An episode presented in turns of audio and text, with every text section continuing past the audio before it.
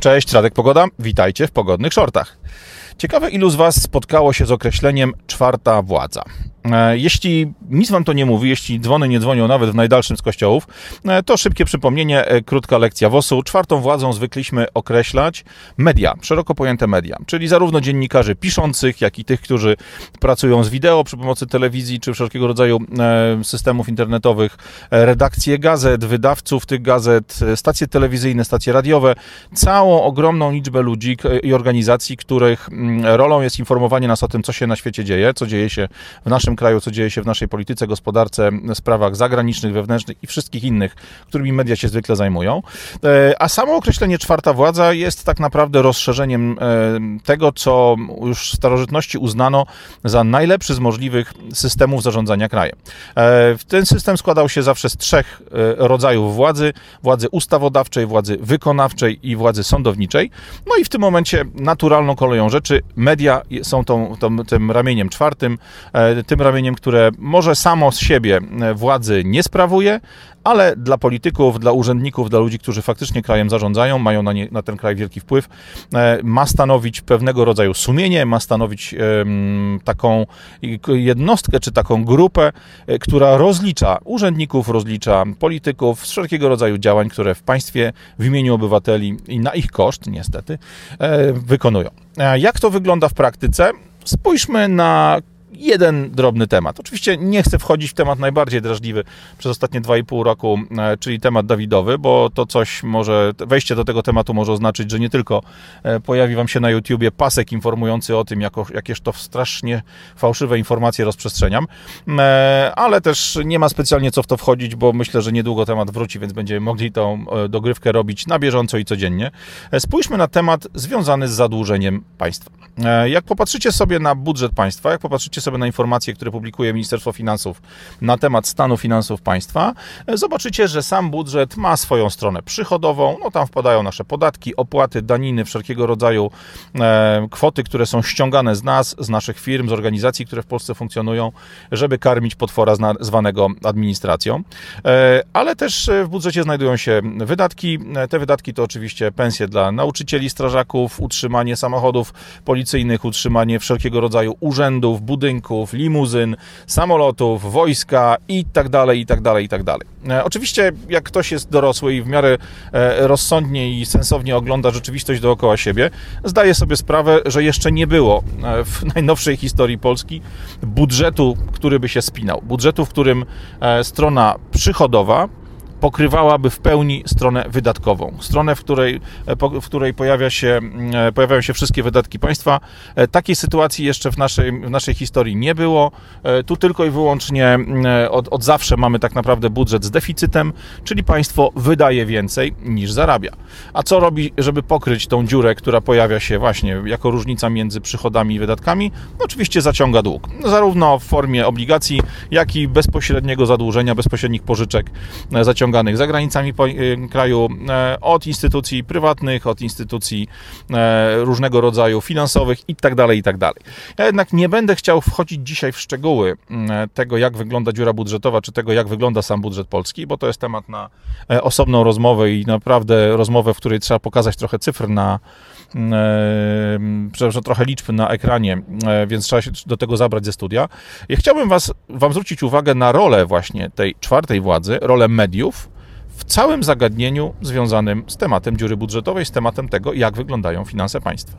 E, jak przypomnimy sobie e, stare firmy amerykańskie, czy nawet polskie z lat 70., e, 80., które pokazują nie wiem, aferę Watergate, które pokazują najróżniejszego rodzaju skandale czy afery, które wywracały rządy, wywracały prezydentów, sprawiały, że państwo trzęsło się w posadach, Możemy tylko z rozrzewnieniem wspominać takie rzeczy i z rozrzewnieniem wzdychać do tego, jak kiedyś działały media, jaką miały rolę e, i jaką rolę faktycznie sprawowały. E, kiedyś dziennikarz, kiedyś media były właśnie tym sumieniem polityka, sumieniem urzędnika. E, to dziennikarze, to media miały stać na straży tego, żeby w państwie działo się dobrze, żeby wszelkiego rodzaju przekręty, wszelkiego rodzaju nadużycia, złodziejstwo, zdrada stanu dokonywana na poziomie finansowym czy ekonomicznym, żeby te rzeczy były wyłapywane, nagłaśniane, a przez to, że media docierały do wyborców, przez to, że media docierały do tak zwanej szerokiej opinii publicznej, e, skutkowało to tym, że dany polityk czy dany urzędnik był ze swojego stanowiska odwoływany politycznie lub zabierany w kajdankach przez prokuraturę, przez policję, przez ludzi, którzy faktycznie są powołani do tego, żeby kontrolować sytuację w państwie.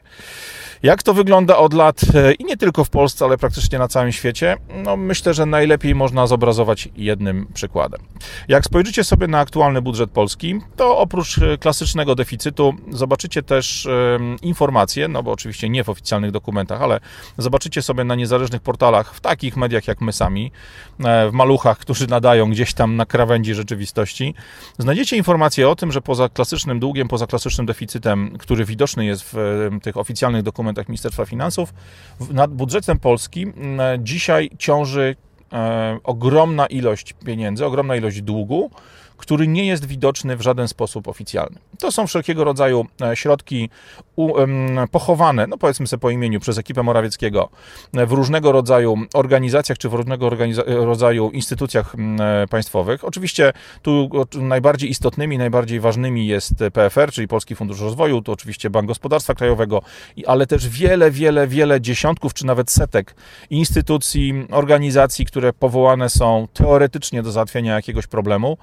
ale jak się spojrzy na to z bliska, okazuje się, że prawdopodobnie głównym celem tego, że istnieją, że e, ich gabinety zasiedlają krewni znajomi królika, jest to, żeby ogromną ilość wygenerowanego przez tą ekipę długu schować po prostu poza budżetem, nie pokazywać jej Sejmowi, nie pokazywać jej narodowi, nie pokazywać jej szerzej.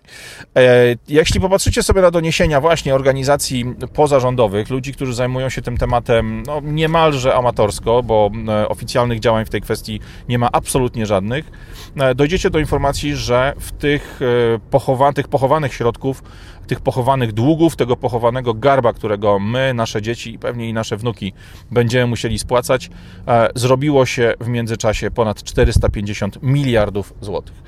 Zdaję sobie sprawę, że każdy z nas od czasów początku COVID-a jest przeciążony tymi kwotami, które pojawiają się w relacjach dotyczących zadłużenia państwa, więc przełóżmy to sobie na walutę, która jeszcze ciągle jest walutą najistotniejszą w świecie, przełóżmy to sobie na dolara. 450 miliardów e, złotych to jest 100 miliardów dolarów. 100 miliardów dolarów to jest prawie tyle, czy tam to jest kwota porównywalna e, z tym, jak wygląda cały budżet Polski, cały roczny budżet kraju. Taka kwota została ukryta przez ekipę Morawieckiego e, w instytucjach, nad którymi Sejm, nad którymi żadna standardowa, nazwijmy to klasyczna, e, żadne klasyczne ramię państwa nie ma żadnej kontroli. E, I co na to media? Co na to nasza czwarta władza? Ano nic.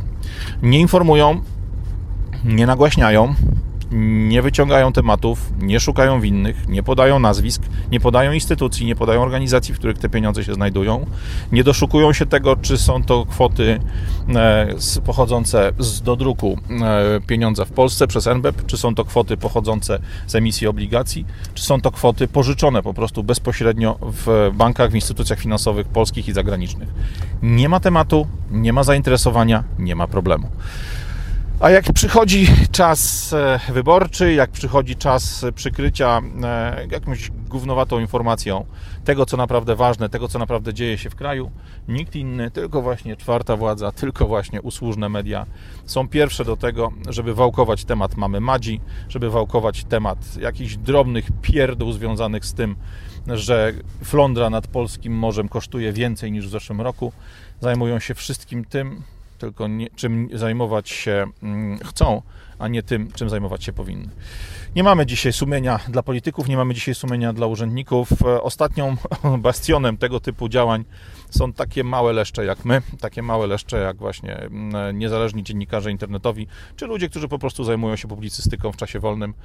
E, dlatego jeśli chcemy niestety coś więcej wiedzieć, wypadałoby cisnąć te nasze media, wypadałoby cisnąć naszych dziennikarzy, żeby czasami przypomnieli sobie, do czego zostali w cudzysłowie powołani i co powinno być ich e, głównym zajęciem przez cały Boży Dzień. Tyle w tym temacie. Shorty znowu nieciekawe, albo inaczej niepogodne. Trzymajcie się.